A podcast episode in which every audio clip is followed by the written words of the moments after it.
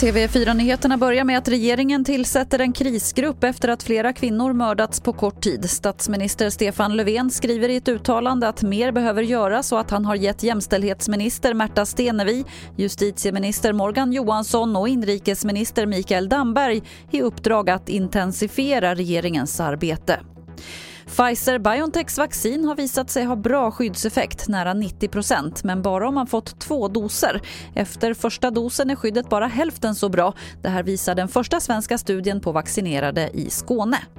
Det är en lägre skyddseffekt, så kan man säga. Man får inte den fulla potentialen, den fulla skyddseffekten mot att få sjukdomen förrän sju dagar, vad vi kan se sju dagar efter andra dosen. Det sa Fredrik Kahn, infektionsläkare i Region Skåne. Knölvalen som strandat på Öland dog troligen av svält eller av att ha krockat med en båt. Det säger en valforskare till SVT. Vad som ska hända med valen nu är oklart. Antingen kan man dra ut den till havs och sänka ner den eller låta den ruttna på plats. Och vilken myndighet som egentligen ansvarar för det här är oklart. Det var det senaste från TV4 Nyheterna. Jag heter Lotta Wall.